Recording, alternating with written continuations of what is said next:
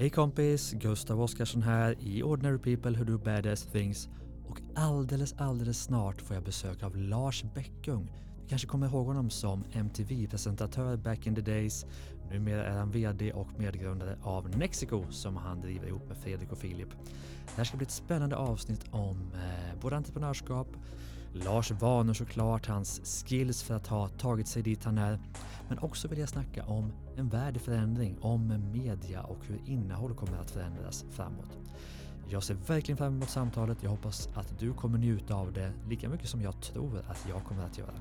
Återigen, varmt välkommen till Ordinary People Who Do Better Things med mig Gustav Oscarsson och Lars Beckung.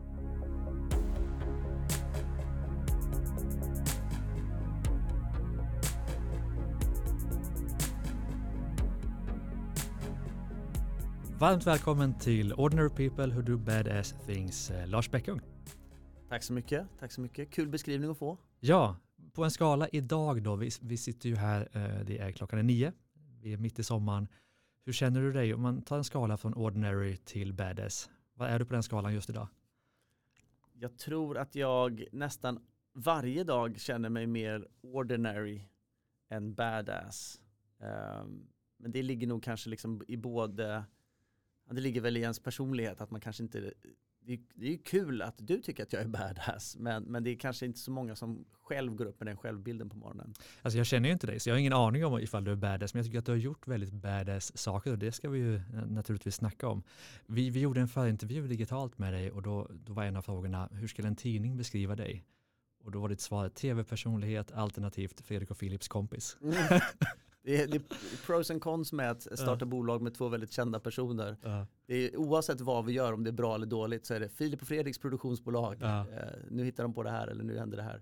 Eh, så att ja, men det tänker jag nog. Eh, eh, det är inte jätteofta jag leker med tanken, men de gånger man har skämtat om det lite grann så tänker man så att om man så att säga, om man sitter på ett flygplan som störtar så beror det väldigt mycket på vilka andra som är på det flygplanet om man ens blir nämnd mm. i tidningsartikeln.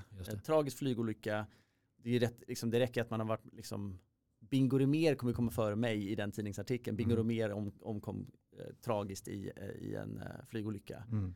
Eh, så att, i det fall jag skulle nämna så skulle det ju vara Filip Fredriks kompis om eh, ja, gick bort i den här flygolyckan.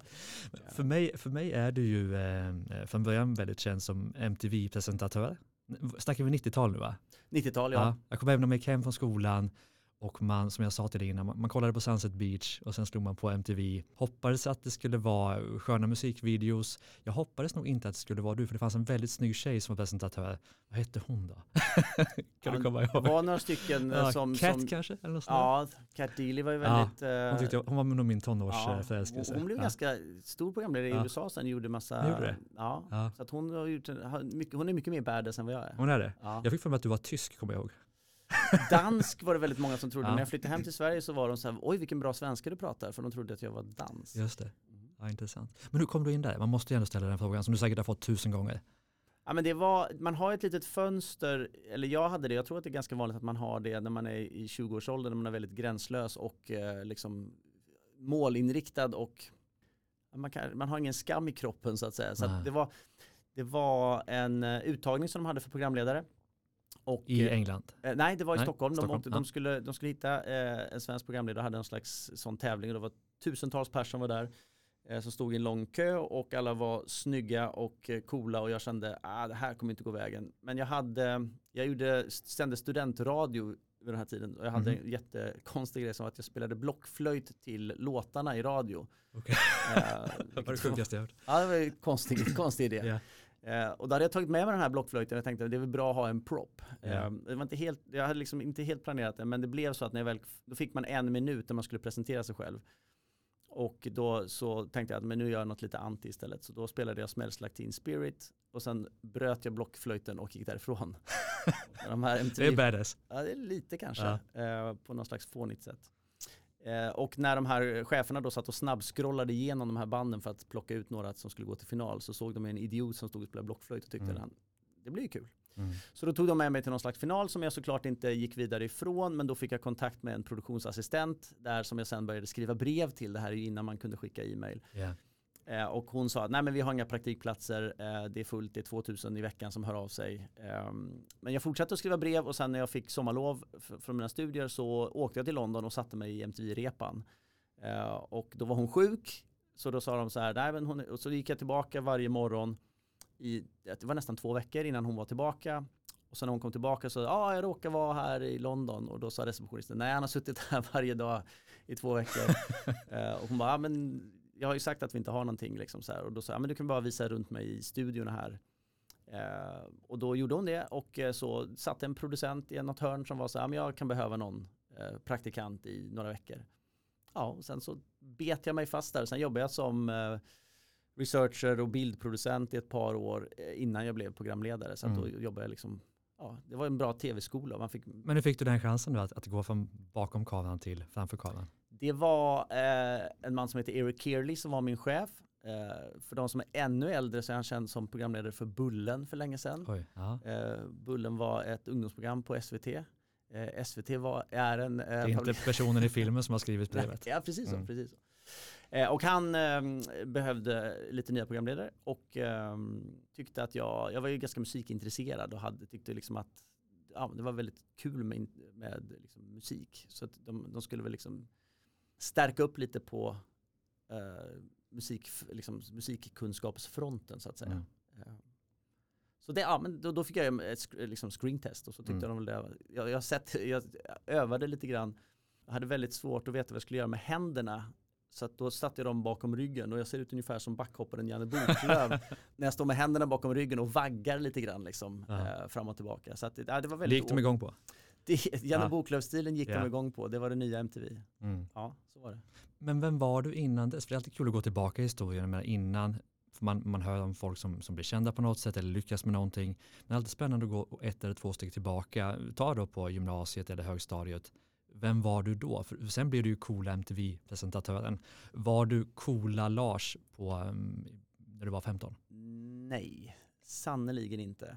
Jag, eh, jag spelade i blåsorkester och var så långt ifrån cool som man kan vara. Mm. Eh, högstadiet var en, en dålig period och eh, Eh, ibland tror jag liksom det föds någon slags revanschlust av just det. Liksom. Mm. Eh, så att nej, jag, jag, hade ganska svårt på högstadiet med polare och ehm, eh, gymnasiet var bättre. Jag åkte som utbytesstudent till USA ett år och fick stärka på kanske lite självförtroende och, och modet att testa grejer sådär. Mm. Så att det var någon slags kanske bekräftelsebehov eller liksom eh, revanschlust föddes väl där liksom under den tuffa tonårstiden. Vad innebar det att, att, att det var tufft?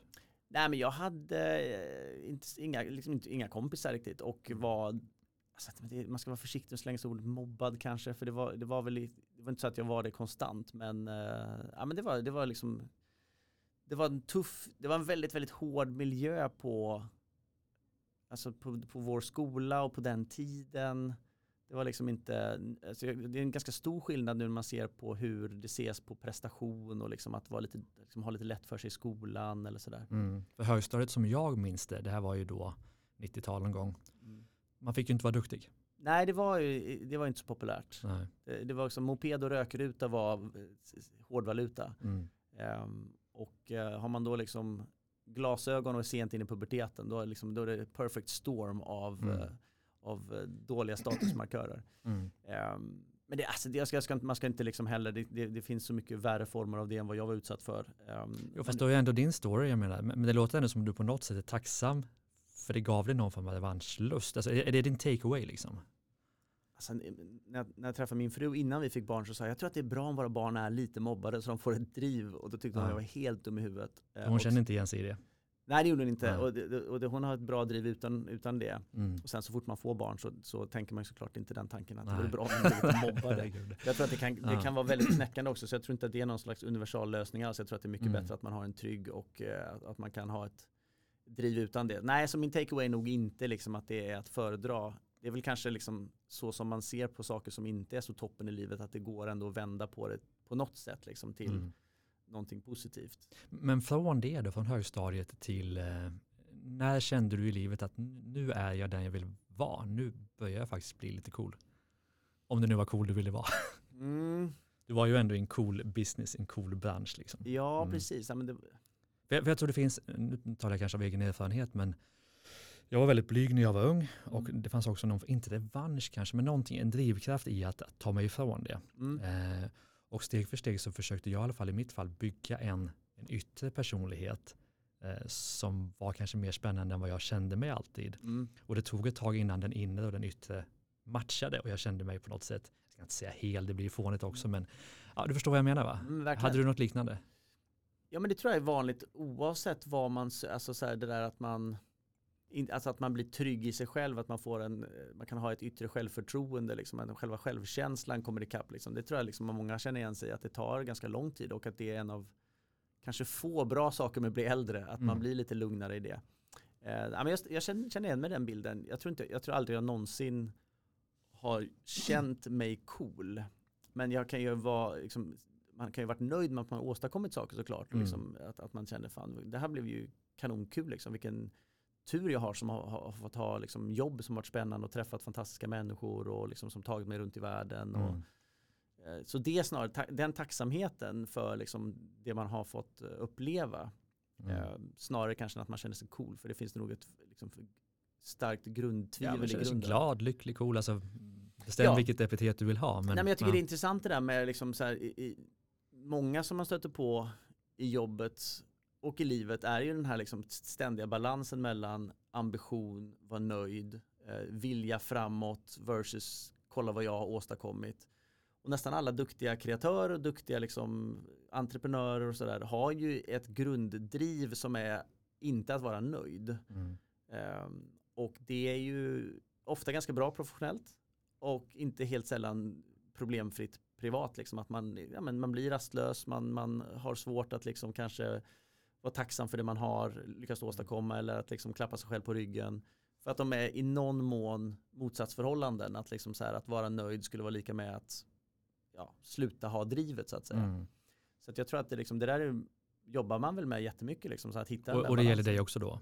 Ja det skulle jag säga absolut att det gör. Att, mm. att, att man, man förstår intellektuellt, liksom, om man zoomar ut lite grann eller om någon säger det liksom så här, ja men ja, jo, men det, utifrån ser det väl ut som att det, man har lyckats åstadkommit någonting. Liksom. Mm. Men att man själv inte riktigt känner det för att man är redan vidare på nästa grej. Mm. Man är redan så här, okej okay, men vad, när ska det gå åt helvete eller när kommer, mm. kejsaren, när kommer det avslöjas att jag faktiskt inte riktigt kan någonting eller mm. när kommer det liksom eller kanske inte bara liksom katastroftankar utan också liksom hur ska vi liksom ta det till nästa nivå nu mm. då.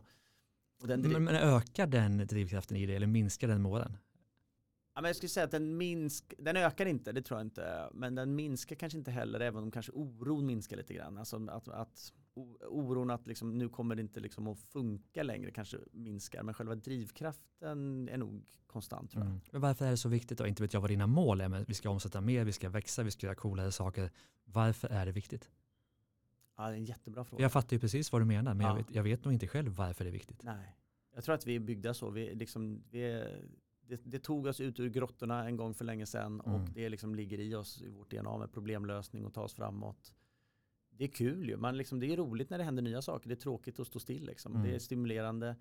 Men det finns ingen logik därför att ja, och vi är ju inne i en tid där man absolut behöver ifrågasätta det både ur ett så här globalt perspektiv mm. där så att säga jordens ekonomi kanske inte heller egentligen det funkar inte riktigt att bara liksom så här, det måste bli bättre, större. Mm.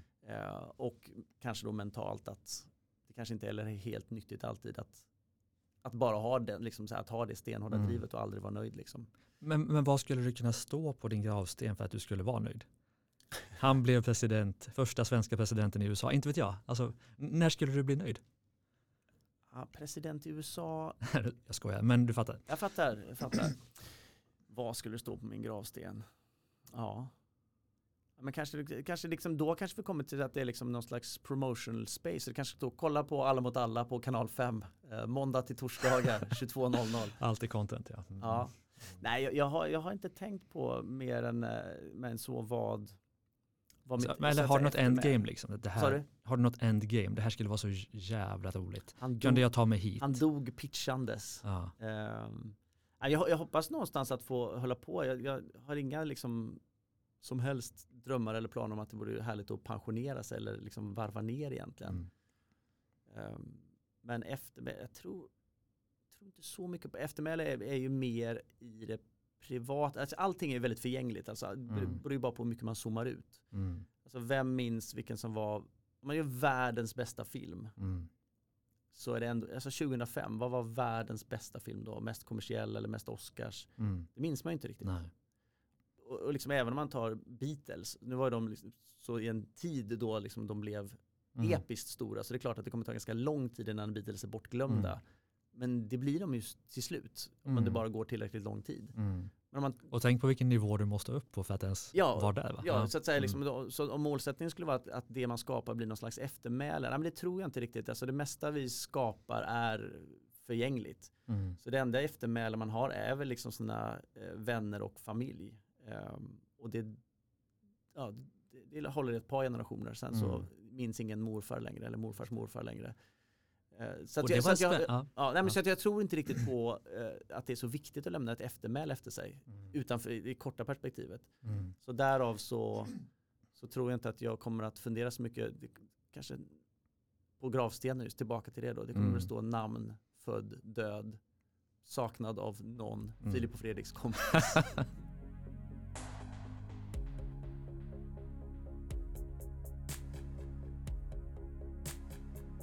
Men ändå intressant, vi gjorde faktiskt den tankeövningen för ett tag sedan. Eh, En tacksamhetsövning där vi gick tillbaka i generationer och tackade generationer vi ens hade träffat. Mm. Kanske fem generationer tillbaka. Och liksom kolla, okej vad hette de? Vad gjorde de? Mm. Och gjorde en tacksamhetsövning kring, ja, tack för att den tog sig därifrån till dit, att den liksom vågade göra det steget och så vidare. Mm. Det var ganska spännande. Vi har ju så mycket bakåt i tiden att tacka det vi har idag för. Ja. Tyckte den var, kan jag skicka med som, en, Ja, eh, som ett litet tips. Men på något sätt så Ja. handlar det väl om när man har förverkligat sig själv.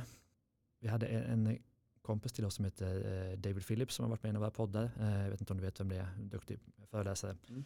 Så han var hemma på lunch och då pratade vi just om, för jag och Malina, min tjej, kände att ja, men vi har liksom uppnått mycket av de målen vi har haft. Vi har alltså, pengamässigt och vi har upplevt massa spännande re- resor, vi har fått barn och så vi kände oss att vi var på, inte en platå, men vi kanske, ja, vi visste inte exakt vad den nya riktningen var. Mm. Eh, och då sa de, men kanske ett fokus bara ska vara något år att, att bara ha kul. Det ska inte vara så mycket mer än så. Det kan räcka som, som ledord. Mm. Och den satte sig hos oss, vad fan, ha kul. Mm. Det behöver inte vara svårare än så. Den eh, vill jag också skicka med till, Mm. till dig som lyssnar. Det behöver inte alltid vara så ambitiöst utan även businessmässigt, ha kul. Mm. Vad är kul? Vad är kul just nu? Är det att hålla på med Fredrik och Filip eller är det något annat? Alltså inte vet jag. Och det, och det förändras över tid. Ja, men den, den, den tycker jag är bra. Jag brukar ibland eh, hitta tiden att sätta sig ner och, lista saker man gör på jobbet. Det Mm. kan man ju göra i livet också så att säga. Men för mig har det varit mest liksom i, i jobbet och lista saker. Vad, vad tycker jag är kul? Vad brinner jag för? Mm. Och vad tycker jag är mer energikrävande? Och, Mm. och om man har turen att ha ett fritt jobb och kan styra det lite grann så är det en bra övning att fundera på liksom så här, vad både vad tycker jag är kul och vad jag är jag bra på, vad är jag Mm. effektiv på, vad liksom vad kan jag kanske rensa bort här liksom så att säga. Så det är väl kanske en slags jobbvariant på det där. Mm. För att, för att jag håller med om att i grunden är det liksom så här, det är väl det man vill, ha kul. Mm. Eh, och Men det tar ju delvis en, en tid att komma dit. För Mm. i början handlar det mycket om att jag måste ha pengar, man kanske behöver någon form av status, alltså så Mm. vidare. Så vidare. Man har så mycket saker som på något sätt ligger i vägen för att bara ha kul. Och, och så var det för mig med. Så är det väl för de flesta att man, man har en, en ambition eh, att man ska ta sig någonstans, man är ganska sign- signifikansdriven Mm. etc. etc. Så att, att, att, att, att eh, ha kul kanske är något som kommer lite efterhand. I alla fall var det så för mig. Ja, och, och det kanske är lite fel ordning, Mm. det försöker jag säga till mina barn att ehm, kul låter ju lite, liksom så lite, kanske lite oseriöst, men om man Ja. säger passion då, eller att Ja. hitta någonting som man brinner för, Mm. så blir ju det också likställt med att man ofta har kul. Så är det ja, men ofta ett sätt som leder till att man då blir bra på det man gör. Mm. Och det brukar, om man har lite tur och eh, landar rätt, liksom, så brukar det också kunna leda till att man då lyckas med det man gör så att säga. Eller man har i alla fall större förutsättningar för att lyckas med det man gör om man gör någonting som man tycker är kul Mm. har passion för. Sen så finns det ju en verklighet såklart och när man är ung så kan man ju liksom ja, men, drömma om saker som kanske är, liksom är väldigt svåra. Det är svårt att bli fotbollsproffs. Fast å andra sidan, du vägrade ju ac- acceptera verkligheten som var att du kunde inte få jobba på MTV. Alltså verkligheten var ju, den var ju inte sann. Du hittade ju på att det gick att ta sig förbi den. Ja. För att jag tyckte det verkade kul. Ja. Eh, Och då, då har man väl i- i, i vissa liksom fönster då, liksom det där drivet att liksom mm. vägra se mot, liksom, vägra se att det här är omöjligt så att mm. säga. Och vi ska inte fastna i MTV, jag tycker bara det är kul att man har så mycket minnen. Men, men en sista, en sista spörsmål, fråga där. Det måste ju ha hänt så sjukt mycket grejer, det måste ju ha så sjukt mycket stories som du drar liksom på sena kvällar på, på pubbar liksom någonstans. Har, har du någon sån här story som bara shit, det här fick jag vara med om? Det var så, det var så sjukt. Ja, men jag är inte så bra på det. det, det här är ju ett problem när man jobbar med Filip Fredrik då, som är så otroligt bra på att vässa och ta fram kul mm. anekdoter. Eh, ja men det var jättemycket roliga saker, framförallt fick man intervjua. Vad sjukt att behöva jämföra sig med dem just när det gäller Ja det är precis, ja. Då, det blir ju, då blir det ju svårt. Um, ja, men jag, jag är överhuvudtaget inte så, så nostalgiskt lagd så det är faktiskt inte så ofta jag sitter på en pub och pratar om 90-talet. Uh, så att, ja, jag har ingen sån kanon 5 plus anekdot. Det var mycket kul band man intervjuade, de flesta var trevliga, vissa var totala idioter mm. och uh, uh, det blev många roliga situationer med det. Men nej, jag har tyvärr inte någon sån skitkul. Det närmsta jag kommer är, det var, och det var mer bisarrt för det var helt ny också. Vi hade, jag hade precis börjat på MTV-kontoret så kom det ut ett mail att vi behövde gå ut på framför byggnaden där, liksom på någon slags gård framför eh, för att ta emot Maria Carey. För då hade hennes management delat ut små lappar med hennes bild på. För att innan hon gick ut, de flesta kom ju bara med vanlig taxi, de flesta var inte mm. så fancy liksom. Men hon kom i någon slags trailer och... Eh, hon var stor då, hon var störst. Ja, hon var stor då. Men mm. jag insåg också att det är så här som folk liksom skapar divor och liksom knasigheter. För det var ju liksom folk runt omkring henne, så som jag uppfattar i alla fall, mm. som byggde upp liksom att hon skulle inte ens gå ur sin trailer förrän det stod liksom ett, ett gäng fans på gården. Det var bara mm. att det var inga fans som visste att hon var där. Så då liksom skickade de ut ett mail. Så här, vi lite yngre medarbetare fick liksom gå ut och, stå, och låtsas vifta med de här lapparna liksom, så att hon ja. skulle känna liksom så här att oj, här är det massa fans. Och så ska hon liksom gå förbi och gå in i byggnaden.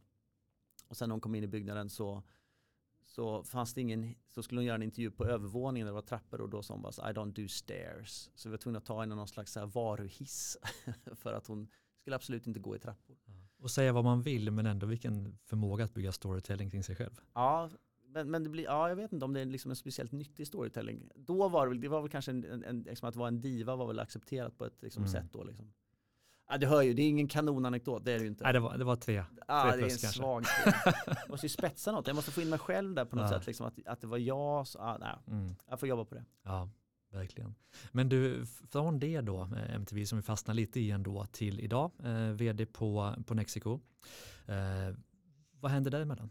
Det måste finnas ett glapp där som vi snabbt kan ta oss igenom. Just det, ja det kan vi snabbt se vi oss igenom. Om det inte är något sjukt spännande så kan vi fastna Nej, det, såklart. Du, du hör jag, jag kan inte berätta någonting spännande. Nej. Eh, jag kan verkligen inte få mitt CV låta spännande. Jag jobbade lite grann som eh, producent, jag gjorde FAD-galan eh, och Grammisgalan ett par år, det var mm. kul. Och sen på ett bolag som heter iWorks. Sen fick jag jobb på Kanal 5 mm. som programchef och då jobbade jag där. Det var så, Fredrik kände jag sen, sen studietiden i Sundsvall. Mm. Eh, Filip kände jag inte sen tidigare så då jobbade jag tajt med Filip och Fredrik under fem års tid som programchef på mm. femman. Och sen när det var, eh, där resan var slut så då började vi med Nexiko för tio år mm. Som är ett, ska vi kalla det produktionsbolag? Vi kan kalla det det, för det var det det är så mycket olika termer som, som springer förbi. Liksom. Mm. Men, men vad, berätta bara för de som inte har stenkoll, vilka program gör ni? Vilka upplägg kör ni? Vi gör eh, en himla massa program. Mm. Vi gör eh, Filip Fredriks grejer, just mm. nu är det Alla mot alla. Mm. Eh, vi gör ehm, Fråga Lund på SVT. Vi har gjort eh, flera program med Lars Lerin på SVT, mm. både när hans lärlingar och eh, Vägen ut som vi gjorde senast.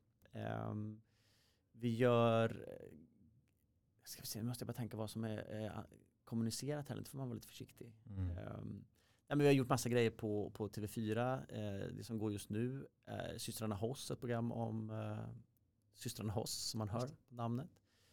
Eh, vi har ju gjort en del film och tv-serier på senare år. Så vi, gjorde, vi gör en serie som heter Young Royals på Netflix. Mm. Eh, vi gör, har gjort eh, flera serier på SVT. Deg, Sjuk, Sjukt, Spelskandalen. Mm, vi höll jag. På, ja, gillar den? Mm. Ja, vad kul. Vi håller på med en serie för Viaplay precis just nu som heter Mafia. Eh, som håller på att spela in. Ehm, ja, men det, och sen har vi bolag i Norge och Danmark eh, som också gör grejer. Ja, vi, vi, har gjort typ 70 produktioner eller sånt där de här Mm. tio åren. Så det blir väldigt tråkigt att nämna alla. Just det. Men jag älskar alla lika mycket. Det är klart du gör. Mm. Och det låter ju också säga, lite glammigt, det låter vä- väldigt spännande, som en, en kul värld att vara i. Men jag antar att ditt liv inte bara är glam och sus och dus, utan det är jobb också. Hur ser en dag ut för dig? Ehm, Eller jag kanske ska hoppas att det är sus och dus och glam dagarna nej, ända. nej, glam är det ju verkligen inte. Alltså, det är ju en gång om året när det är någon gala eller sådär. Så då är det väl lite glam kanske. Ehm, nej, det är ju alltså det, det är väl det som är väldigt, jag, skulle, jag var precis på väg att spela ner det säga, nej, det var ett kontorsjobb och det, Mm. och det är det ju till sin fysiska natur såklart. Så, det liksom, Mm. så, så har vi ju då produktion som inte jag är så operativt inne i men då är liksom filminspelning och tv-inspelningar är ju väldigt Mm. liksom praktiska så att säga. De, det ju, om det är stora f- film eller dramaserier så är det ju otroligt mycket personal liksom, som, som jobbar med, alla möjliga grejer. Men mitt jobb är ju mycket mer eh, klassiska möten, mail och kontorsarbete. Men det är väldigt kul möten eftersom att man ofta sitter och pratar om kreativa saker och Mm. eh, problemlösning och eh, det tycker jag är liksom otroligt stimulerande att sitta och prata med författare om karaktärer och liksom stories och hur man ska få ihop det och liksom vad det är att vara människa och man delar med sig av sina egna erfarenheter och man läser på med andra så man lär sig otroligt mycket som att man för att kunna liksom gestalta någonting på ett trovärdigt sätt så måste man ha någon slags kunskap om det och det handlar om att antingen träffa människor som har annan bakgrund som har andra erfarenheter för att lära sig av det eller att läsa Ehm, så att, nej men det, det är väl det, det är inte glammigt men det är otroligt inspirerande. Ja. Men så ditt jobb blir väl egentligen då att bestämma vad ni ska göra? Typ som vd, eller? Ja, det Fixa kan man lite, säga. kap, fixa lite kapital, Ja, det kan man också säga, Ja. precis. leda lite folk. Leda lite, Ja. ja. men mycket, väldigt mycket är ju såklart liksom att eh, ja, men chefa och leda Mm. folk och liksom få folk att och, och jobba tillsammans så bra som möjligt. Eh, inte så mycket kanske bestämma vad vi ska göra. Bestämma, till en viss del måste man ju såklart ha vad, vad vi satsar på att utveckla. Mm. Men sen är det så, och, och vad man pitchar och sen är det ju i, i det pitchandet och vad kanalen vill beställa så att säga Mm. som, som blir. Så att, Ja, okej. Är det kanalen som kommer till er eller kommer ni till kanalen? Vad, vad är standard? Eh, det vanligaste är att vi går, till kanalen. Ja. Det händer det omvända också, men eh, det vanligaste är att, att vi har en idé. Och det, vi, är spännande process då. Okej, ni, ni sitter på ett, en, en vinkväll. Du och Fredrik och Filip och ett gäng. skönt att du tror att det är så. Nej, jag, bara, jag, jag hittar på det. Låter kul. Du har sett Mad Men och tänkt Ja, så här, det verkar liksom exakt. kreativt, man dricker sprit Ja. och, och, och ja. Det hittar jag på det. Okej, så sitter ni där så kommer ni på en, en jävla idé liksom. Ja. Och skriver ni upp på en whiteboard och så börjar det liksom målas karaktärer kanske. Eller? Nej, men alltså- Eller okej, ta mig igenom processen. Jag ska inte hitta på. Nej men det, det, det, du har inte helt fel, det har ju hänt att Mm. man eh, käkar middag, dricker vin och kommer på bra saker. Mm. Så det är absolut hänt. Ehm, ofta är det kanske lite mer kontorstidsbaserat och eh, alkohol kan hjälpa till ibland att skapa kreativitet. Men man kan också dagen efter vara så här, men nu, vi satt och pratade om den där idén i tre timmar, så bra är den inte. Så det är inte alltid det, är det bästa. Eh, eh, nej, men, nej men processen precis, det är väldigt, väldigt olika. Eh, ofta handlar det om att man tittar på vad som, vad som händer i samhället, vad är det Mm. liksom för, vad, vad är det liksom, vad har folk för saker som är viktiga för dem i sina liv? Eh, hur kan vi liksom spegla det på något sätt? Ibland kan det bara vara bra, en bra hisspitch som någon kommer på liksom så här, shit det där har man ju inte sett. Ibland är det liksom så här, åh jag älskar den där serien och jag älskar den där serien. Det som är bra med den där serien är ju det där. Kan man twista det på något sätt? Liksom, eller kan man ta med sig det in i den här idén? Men är det ofta någon som kommer med en idé eller, eller sätter ni er tillsammans och kommer på idéerna tillsammans? Ganska ofta så finns det liksom någon slags frö som uppstår någonstans hos någon. Men vi har ju också såklart rena liksom spånmöten där man sitter och pratar helt fritt. Ehm, jag skulle säga på att det är vanligare kanske att någon ändå säger så här, hörni, har ni tänkt på det här? Mm. Det är ofta en väldigt ofärdig idé. Och sen så är det ju liksom genom samtalet och felskjutandet och ja, kanske, eller vad händer om jag gör sådär, som idén blir bättre. Mm. Ehm, och sen är det ju väldigt mycket jobb i att ta den från liksom ett frö till en idé till liksom någonting. Och det, det är inte helt sällan som man inser på vägen att nej men det funkar ju inte. Det blir, Mm. det funkar inte liksom, det är bara en kul idé i en kvart, sen kommer det bli tråkigt. Mm. Eh, Men ta, ta alla mot alla då. mm. Alltså jag antar att den inte föddes som en perfekt idé utan det var ett frö gissar jag och sen steg för steg, eller? Ja men den är rolig för att den uppstod ju för att Filip Fredrik gjorde ett program som heter Breaking News. Mm. Och där hade de en liten quizdel. Just det. Eh, och den quizdelen tyckte de var väldigt kul att göra. Och här är också lite väldigt otypiskt för tv-branschen men kanske typiskt för att jobba med Filip och Fredrik och den bra relationen de har med de som jobbar på kanal 5 och det långa samarbetet som funnits där. för då var det, eh, då ville de helt plötsligt göra ett quizprogram istället för breaking news. Mm. Och nu pratar vi om att vi var liksom i december och vi skulle börja spela in i slutet av januari. Och i vanliga fall behöver man kanske ett halvår på sig för att liksom ta fram något nytt. Liksom. Och, men det var väldigt liksom så här, men nu kör vi, vi har ett quizprogram istället. Jaha okej, okay, men ett quiz klockan tio på kvällen, liksom varje dag, det har vi, lite, det har vi aldrig sett i tv. Mm. Liksom så här. Men liksom bra med, eh, ska man säga, lång, lång upparbetad samarbete med kanal 5 och eh, stor till, vi fick bra liksom, tilltro från dem och tillit för att vi skulle klara det. Så ja, på typ en månad så sattes det ihop. Det fanns också personal som jobbade med breaking news. Mm. Annars hade det inte gått så att säga. Som Just var väldigt det. duktiga och förstå, liksom, jobba bra med Filip och Fredrik. Men det var allting från att det inte gick att få tag i något plexiglas till de här burarna för det var så bråttom. Mm. Så, här, liksom, så vi fick ja, plåstra ihop säsong ett. Kul ju. Eh, alltså vilken ja, det, härlig process när det går så fort. Ja, ja men jättekul. Ja. Och sen var det liksom, det var ju också en mardröm. Ja. Eh, stressigt, eh, ekonomiskt en jättedålig affär första säsongen. Ja. Eh, men sen så lärde vi oss hur man gjorde och det liksom, liksom blev bättre och bättre. Så att, mm. absolut ett kul exempel på hur det kan gå att liksom mm. snabbt göra någonting ibland.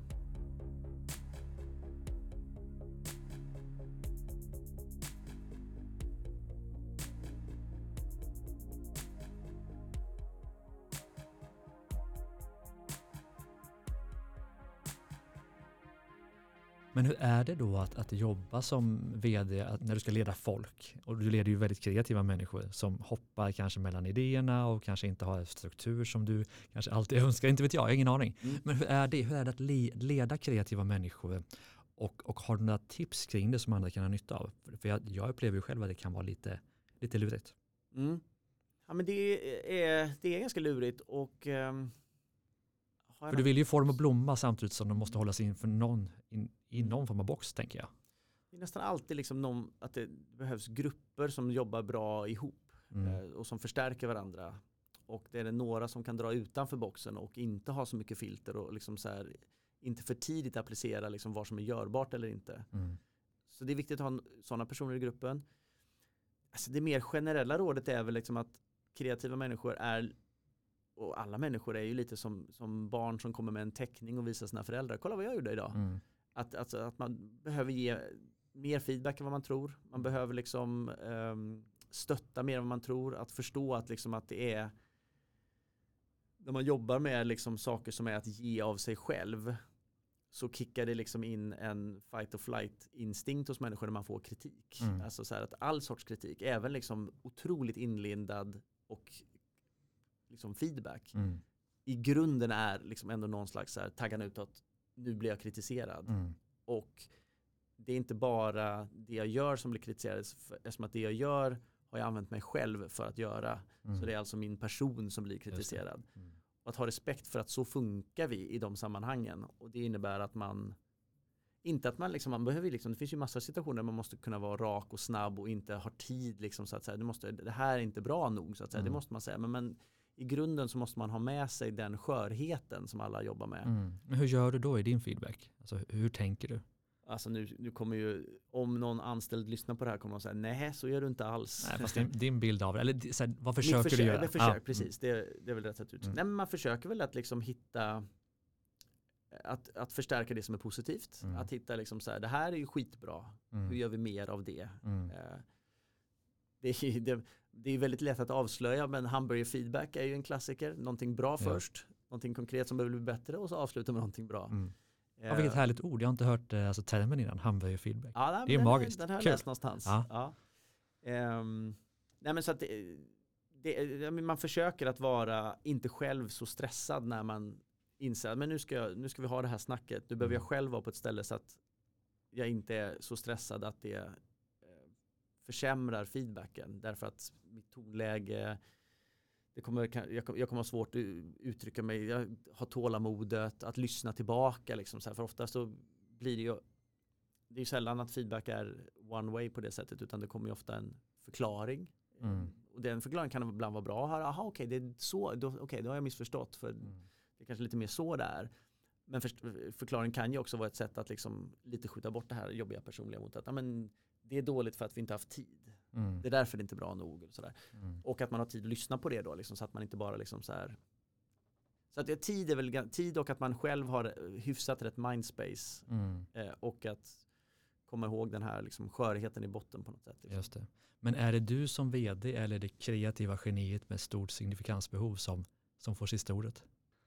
Um, jag tror att det är liksom väldigt vanligt i vår bransch, många andra branscher, att även cheferna har ju liksom den eh, skörheten i sig så att säga och är också med och skapar. Vi är inte så, alltså vi är väldigt operativa i vårt bolag och så är det på de flesta produktionsbolagen och även på, på kanaler så, så är det ju liksom även chefer är ju med i kreativa processer så att säga. Mm. Och kommer ofta från den också kanske? Ja exakt ja. och i bästa fall har man väl kanske liksom fått upp, byggt upp någon slags förståelse för mm för det där liksom att man eh, genom att själv ha varit utsatt för kanske dålig feedback så kanske man har sagt mm. ah, okay, men det här ska jag försöka undvika när, när jag ger feedback. Mm. Men det finns, alltså, så här, det finns nog inget på din fråga då, vem är det som bestämmer? Ah, det måste bara bli bra i slutändan och, och Skitsamma vem som bestämmer? Eller? Ja, lite mm. grann. Men sen så är det klart att folk gillar ju beslut. Alltså, vi har ju otroligt platt hierarki i Sverige som gör ibland att chefer tycker nästan det är fult att ta beslut. Mm. Vilket ju ofta leder till kanske ännu mer osäkerhet. Därför att liksom, vi, vi gillar ju att någon måste ta beslutet och stå för att om det inte blir bra så mm. var det ändå ett beslut som behövdes ta. Och när beslutet togs då var det det bästa man kunde ta. Mm. Eller som personen kunde ta. Mm. Kunde du se framför dig när du var 14 på högstadiet att en dag kommer jag vara en eh, vd tror knappt, jag, jag, visste absolut inte vad ett produktionsbolag var. Jag visste mm. absolut inte att man kunde jobba med tv tror jag. Eh, frågan är om jag visste vad en vd var, det är tveksamt. Mm. Eh, så nej. det... men, men, om du går tillbaka till den personen, ibland kan man ju faktiskt det, så bara mm. känna hur jag kände mig då. Tror du att den personen, om den fick veta det du är idag, att den skulle vara nöjd? Det tror jag. Mm. Det tror jag. Men jag, hade ju, jag, jag vet att liksom de första första liksom minnen av vad, vad, jag ville bli så att säga var att jag ville bli journalist. Mm. Um, och sen så när man slog i att söka jobb 94 eller vad böcker, det var en bok mm. som fanns där, liksom så här, där alla yrkena fanns listade. Så på journalist stod det stor risk för arbetslöshet, kommer inte finnas några jobb, ganska dåligt betalt. Okay, det står det fortfarande? Det står det fortfarande. Um, så, då, så, så då hade man väl liksom, ah, okej, okay, jag, jag, gick en utbildning som heter medieteknisk utbildning som var en slags systemvetare, ingenjörsutbildning med inbakad lite journalistik. Någon slags halvmesyr till kompromiss egentligen. Um, för att någon slags safe upp sådär. Men, men, jag, ja, men absolut, jag ville nog, på, varför vet jag inte, men jag läste väl mycket tidningar och tyckte att, liksom, att de som skrev var coola och att det var spännande liksom, att kopplat till musikjournalistik i, i, i, journalistik i början då, alltid älskat film. Um, så att, ja, men det, det fanns nog i mig någonstans, kanske inte så tydligt liksom att jag ska för när jag var 14 som sagt så visste jag inte ens om man kunde jobba med det. Men, mm. men journalist var jag, det, det ville jag bli. Mm. Och det blev jag inte, men jag blev ju någon som får jobba med historieberättande i alla fall. Mm. Vad är det bästa du har skapat eller varit med och skapat? Uh, det vet jag inte. Vad säger känslan? Vad är du mest nöjd med? Nej, men man är Subjektivt. ja, men just här och nu är liksom Young Royals, den här serien på Netflix, går ju otroligt bra runt om i världen och mm. har liksom ett, ett, ett, budskap som har behövts på många ställen i världen och när en film som handlar om rätten att få älska den man vill går skitbra i Ungern, i Polen, i Ryssland, i Ukraina. Eh, så, liksom, så det är klart att man blir glad att ett sånt budskap eh, kommer ut till ställen där, där det budskapet inte ens i många länder ens får kommuniceras. Mm. Där det är mm. förbjudet. Um, så, så, så den, är, den det är en jätterolig serie att få jobbat med. Den tror man kommer liksom minnas hela livet. Liksom, mm. att man fick jobba med. Coolt. Vi snackade lite innan om, om Blockbuster och Netflix och minidisk och mm. historien eh, inom eh, media och underhållning. Hur, vad, hur, ser du framför dig att, eh, ska vi kalla det, media underhållningsvärlden, vi kan kalla det medievärlden, kommer se ut om 5-10 år?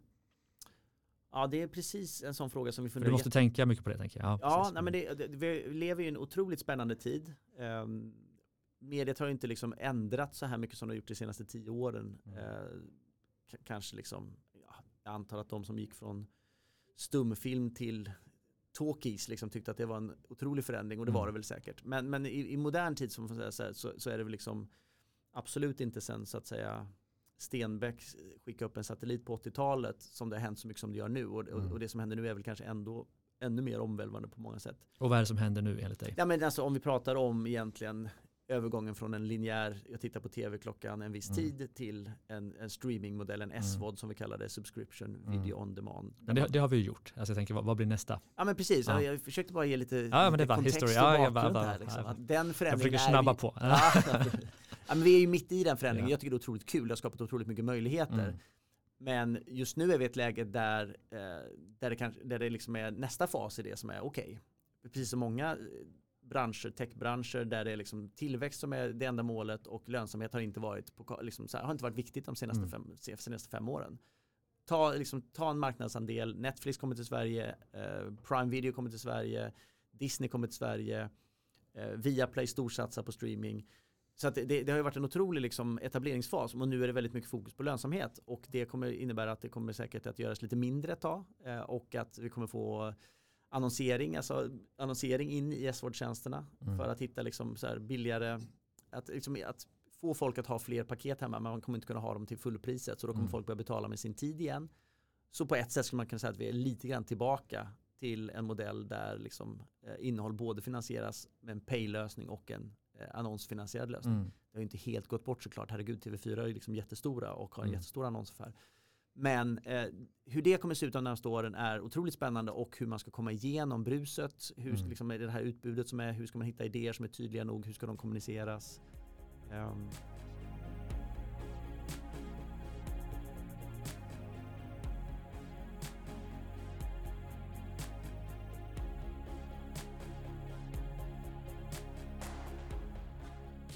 För en känsla jag har är att, att man är så på ett sätt försiktig nu för tiden. Man vet att vissa saker funkar så bygger man vidare på det. Man, man vet att vissa personligheter funkar, man bygger vidare på det. Man vet att en, inte vet jag, Harry Potter funkar så bygger man ännu mer mm -hmm. på den världen så att säga. Mm -hmm. Man vet att vissa artister funkar. Det känns som att det är lättare än någonsin att komma ut med sin musik exempelvis. Men det är också svårare än någonsin att bli ja. någonting. Ja. För det är så otroligt crowded och man bygger vidare på det som man vet funkar. Ja. Tankar kring det? Ja, nej men alltså, vi trodde många att den här longtailen som, som det pratades mycket om för 20 år sedan liksom mm. skulle ändra på det. Men det har ju visat sig att det har inte riktigt blivit så utan mm. nästan en, en accentuering av topp 10 hitsen snarare. Mm. Liksom, att det är liksom, för jag, eh, lyssnar jag på ett studentflak nu mm. som kommer de här dagarna mm. så är det samma låtar som när jag tog studenten. Ja. Vilket också är så jävla märkligt. Ja, alltså, jag vet inte om det hänger ihop men någonting är det ju att man bygger på det som, ja. som finns och funkar. Ja men precis. Ehm, och någonstans tv är väl nu lite grann, alltså Hollywood gick ju filmvärlden så att säga gick ju tidigare in i det liksom mm. så här, och, och blev ju stagnerade ju på grund av att det kom in för lite nya idéer och man mm. körde liksom för mycket på liksom dåliga sequels-tänk och den gyllene åldern i tv som brukar liksom säga att Sopranos på 90-talet började mm. det och sen så har vi levt i den nu sedan dess liksom och den har accelererat med väldigt mycket bra originalidéer. Um, att nu stagnerar den lite grann och det är väldigt mycket liksom så här hur ska vi bryta igenom? Jo men det gör vi genom att göra mer av det som vi vet funkar. Mm. Men även det är ett problem. Det, det, liksom, det är inte så många böcker idag som säljer så mycket att de blir liksom en man som heter Ove eller hundraåringen mm. eller Da Vinci-koden. Det är inte så många böcker heller som har den genomslagskraften. Det är inte så många IPn kvar som inte är liksom, ut, liksom så här, testade på alla sätt och vis. Mm. Så det är klart att det fortfarande kommer behövas originalidéer. Um, och ja, men utmaningen är att hitta den här balansen mellan bredd och cred. Att hitta liksom någonting som, som både och att man inte hamnar heller i en bubbla där vi som jobbar med det här eh, inte har kontakt med vad publiken faktiskt vill se. Mm. Eh, och att vi skapar saker som, som vi tycker är kanon och som vinner priser men som inte publiken vill se. Mm. Och hitta den bryggan över. Mm. Och att, men med AI, eh, jag vet inte exakt hur det kommer slå i, åh, i din du sa just AI. Men, men jag tänker liksom att... Hur mycket tid har du? Ja, vi kan ta en kortis på AI, men jag tänker till exempel att det skulle kunna bli så att man väljer själv, vilket slut vill jag ha? kan jag själv vara med i en film? Alltså det finns ju oändliga möjligheter. Okej, vad är din take på AI? I din värld? Nej, men det är vad ju, tänker du på kvällarna? Vad tänker du på kvällarna? Jag tänker eh, både att jag är ganska AI-skeptisk till själva idén. Mm. Eh, att jag eh, är osäker på om det är en så bra idé att eh, så enkelt liksom ge upp sin plats som den eh, högst tänkande varelsen på jorden. Mm. Det finns stora risker med det. Men sen är jag nyfiken också. Liksom, okay, hur kan man använda det som ett verktyg? Hur, det, det, kommer bli otroligt svårt att reglera, men det kommer behöva regleras. Mm. Um, strejken i USA som är just nu bland författare, en ganska stor del är att uh, fackförbundet VGA vill förbjuda AI att skriva.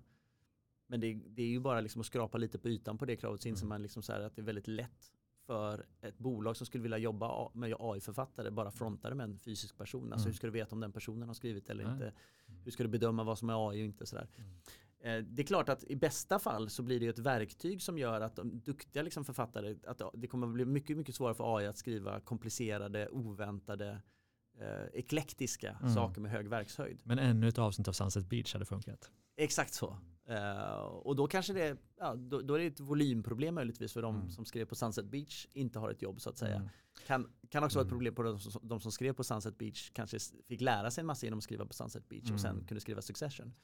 För jag ser ju ett bekymmer där i att, säg då att det blir min tes, att allt blir hyperpersonaliserat, att man får precis det man själv vill ha och dit går vi ju väldigt mycket. Jag vill ha den här typen av underhållning på den här tiden, mm. jag sitter på den här stolen och så vidare. Vad gör det då med en värld, nu blir det väldigt filosofiskt, mm. men vad gör det med en värld där det förut var vi för att vi kollade på Hylands hörna på fredagskvällarna, inte vet jag. Vi kollade på MTV, alla gjorde det, alla kollade på Sunset Beach att gå från det till en värld där man får exakt det man själv vill ha, det blir ju så extremt jag-centrerat. Vad händer med vår värld? Vad händer med vår gemenskap? Ja, jätteintressant. Kanske fel fråga till. Nej, inte. men jag tycker det är jätteintressant. diskussion, ja. Allting från filterbubblor till liksom mm. just det här liksom med den gemensamma liksom watercooler-effekten, att man gillar att ha saker att diskutera. Alltså, mm. Det hade varit jättetråkigt om serier som vi pratar om vi inte riktigt kunde prata om dem för att de, de ser olika ut för oss allihopa därför att mm. vi har personaliserat dem så mycket.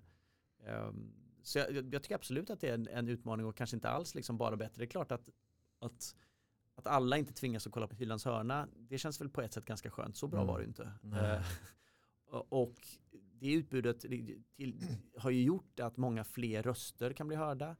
Mm. Uh, att många mer olika, alltså så här att vi tar Lennart Hyland då som ett exempel på det, liksom så här, det, han är inte så representativ för hur Sverige ser ut. Mm. Eller såg ut heller. Såg ut. Mm. Så det är klart att det är jättebra att, att det finns en ett mycket större rikedom av röster och berättelser som blir hörda. Men det är klart mm. att det mm. finns väl någon slags tipping point när det då blir helt jag-centrerat. Och vi har väldigt lite av den gemensamma historien. Vi har väldigt lite av det som håller ihop oss så att säga. Så att, um, ja, nej, men jag, jag, jag, kan inte säga att jag tror att du har fel. För att jag tror att det absolut finns en sån väg att gå. Sen så kanske inte det kommer vara det enda som folk vill ha. Alltså mm. det kanske finns en, en återgång också då. Det blir ofta motreaktioner. Liksom så här, mm. men nu vill vi prata om Game of Thrones och jag vill inte att mitt Game of Thrones ska sluta på ett annat sätt än mm. din Game of Thrones. Mm. Genom att jag sitter på en drake eller liksom att mm. alla dör i min version. För det tyckte jag var kul. Um, det gör de väl i och för sig kanske nästan i originalversionen också. Jag är en eh, enda tror jag i Sverige som inte har sett. Ja men du ser. Ja. Men då kunde vi inte ens ha det gemensamt. vi går tillbaka till Sunset Beach. Exakt, exakt så. Men du, eh, tiden går väldigt fort. Något som jag gärna vill komma in på som jag tycker själv är väldigt intressant det är ju människor som jag träffar i den här podden har ju gjort, tycker jag, badass things. Och jag är nyfiken på dels hur de lägger upp sina dagar men också om de har några sådana vanor, verktyg, principer som de lever sina liv efter. Har du något sånt som, det här funkar för mig? Ja, Från kallbad till uh, to-do-lists. Liksom. Ja, oerhört. Uh, ingenting du inte hört förut. Uh, jag har lärt mig att jag behöver träna för att inte hyperaktiviteten ska ta över. Mm. Så jag tränar. Um, sover så mycket jag kan. Mm. Vad innebär det? Nej, I mitt fall betyder det faktiskt att jag har lite hjälp med, med melatonin, alltså lättare sömntabletter som yeah. jag behöver för att jag har för mycket spring i huvudet annars som jag vaknar på nätterna och de perioderna jag har gjort det så, så blir man ju väldigt eh, sårbar när man inte får mm. sova ordentligt. Blir man inte beroende av melatoninet som du får då, av tabletterna? Det finns naturligt i kroppen så det, det, kan man ju säga att man på ett sätt blir för man behöver fortsätta att ta det så att säga. Men är, man behöver inte öka dosen så det är inte den sortens sömnmedicin som yeah. eh, i alla fall är klassad som beroendeframkallande. Mm. Sen kanske den bitvis är det mm. eh, för att man men, men det, det, min läkare säger att jag kan fortsätta med det ja, och eh, jag litar på honom. Jag ska inte säga vad du ska göra. ja, det får du göra, men ja. det, det, är en rimlig fråga. Eh, men, eh, nej, men så träning, sömn, ehm, balans i allt, liksom just det här som vi pratade om förut med ambition versus att vara lite nöjd. Mm. Ehm, att inte liksom underskatta vikten av att ha liksom relationer utanför jobbet. Mm. Familjen såklart, att vara så okej okay familjemedlem som man kan, att vara en okej okay kompis som man kan. Mm. Uh, men jag har, jag har inga sådana extrema kallblad, kallbadsgrejer som, uh, som man kan läsa om i tidningen att folk sysslar med. Mm. Jag har väldigt låg smärttröskel och tycker att det är obehagligt mm. när det blir kallt snabbt. Jag fattar. Uh, nej, så jag, jag, har inga supervanor egentligen, men, men vissa av de här standardgrejerna funkar för mig också. Mm. Konstigt. Träning och bra mat och sömn funkar för alla. Märkligt. märkligt. Men du, är det någonting vi har missat att snacka om? Uh, AI? Nej. Nej, det är ett jättekul samtal ju. Um, ja, nej, mm. så att jag uh, känner inte att jag ska ta upp mer uh, airtime. Nej, men vi kanske kan sammanfatta då. Jag menar, din resa, ditt liv i någon form av, ska vi kalla det en trepunktslista? Det här vill jag skicka med till alla som vill bygga bolag, vill bygga ett spännande liv. Mm. Ish. Ja, Alltså, jag känner mig inte riktigt uh, att jag kan ge den sortens råd som att jag inte alltså, känner som har funkat för dig liksom. Och det här, ja. ja, jag fattar. Ja, men, uh, passionsdrivet då. Mm. Att liksom så här att hitta och hitta människor. Vi har aldrig liksom egentligen haft en affärsplan som varit så här nu måste vi eh, expandera, starta ett bolag i Norge utan snarare sagt så här vore det inte kul om vi hittade några bra personer i Norge mm. eh, som vi skulle kunna starta bolag med. Och så gjorde vi det. Och den friheten är otroligt skön att man har så kan, alltså, så alla som har möjligheten att få jobba självständigt och ha ett eget bolag, det är otroligt kul att ha mm. den liksom, och att man kan göra som man vill. Och så har vi jobbat, att liksom, istället för att ha en stenhård affärsplan som går ut på att 4 eh, september så måste vi ha startat i Norge. Så att när vi hittar rätt personer så kan vi göra det. Eh, och att omge sig med personer man tycker om att jobba med är jätteviktigt eftersom att man jobbar mycket. Mm. Eh, hitta någon slags syfte i det man gör eftersom att lägger man så mycket av sitt liv på någonting så, så mm och syftet kan vara högt och lågt men att hitta liksom sitt eget syfte med det man gör och varför, sitt varför. Mm. Eh, att kunna kommunicera det till bolaget så att även de anställda känner liksom att det finns ett syfte. Um, och att um, ja, men kanske hitta någon slags balans i det lustdrivna så att man inte går under i det. Liksom, att ibland lyssna på kloka människor runt omkring en eh, mm. som säger att det kommer nog ordna sig. Mm. Ganska städade tips ändå. Vad, vad har du hoppats på?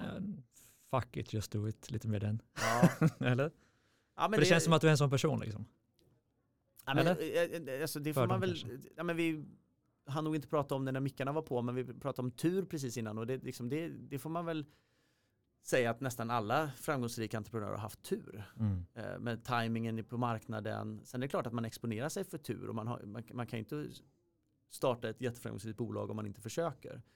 Men, men att acceptera att det finns tur och timing eh, och sen att exponera sig för den risken. Och visst, det kan man ju kalla facket då. Liksom så här, det är klart att det finns en, att vi, många av oss som har startat bolag är privilegierade för att vi kanske inte har riskerat, det är klart man har riskerat kanske en fast månadslön, man har tagit risker som inte alla har tagit, men vi lever i ett land och du och jag, om jag tolkar dig rätt, kommer från trygga, stabila uppväxter mm. som gör att man har liksom en, en grundtrygghet som man inte kan ta för givet att alla har så att säga.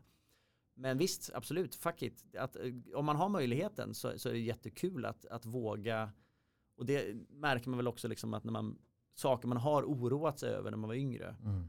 var lite i onödan. Så det är klart att i den mån så, så kan man absolut tänka lite mer fuck it, vi testar för att det brukar ändå lösa sig. Mm. Kul! Mm. Då är jag, lite då är jag mer nöjd. Du fick, du fick lite, lite... ja, exakt. Tack så mycket Lars Bäckung för att du ville vara med i Ordinary People Who Do Badass Things. Tusen tack. Och tack till dig som lyssnar. Missa inte våra systerpoddar Business Hacks och Starta eget-podden. Vi hörs snart igen. Tack för idag. Hej då.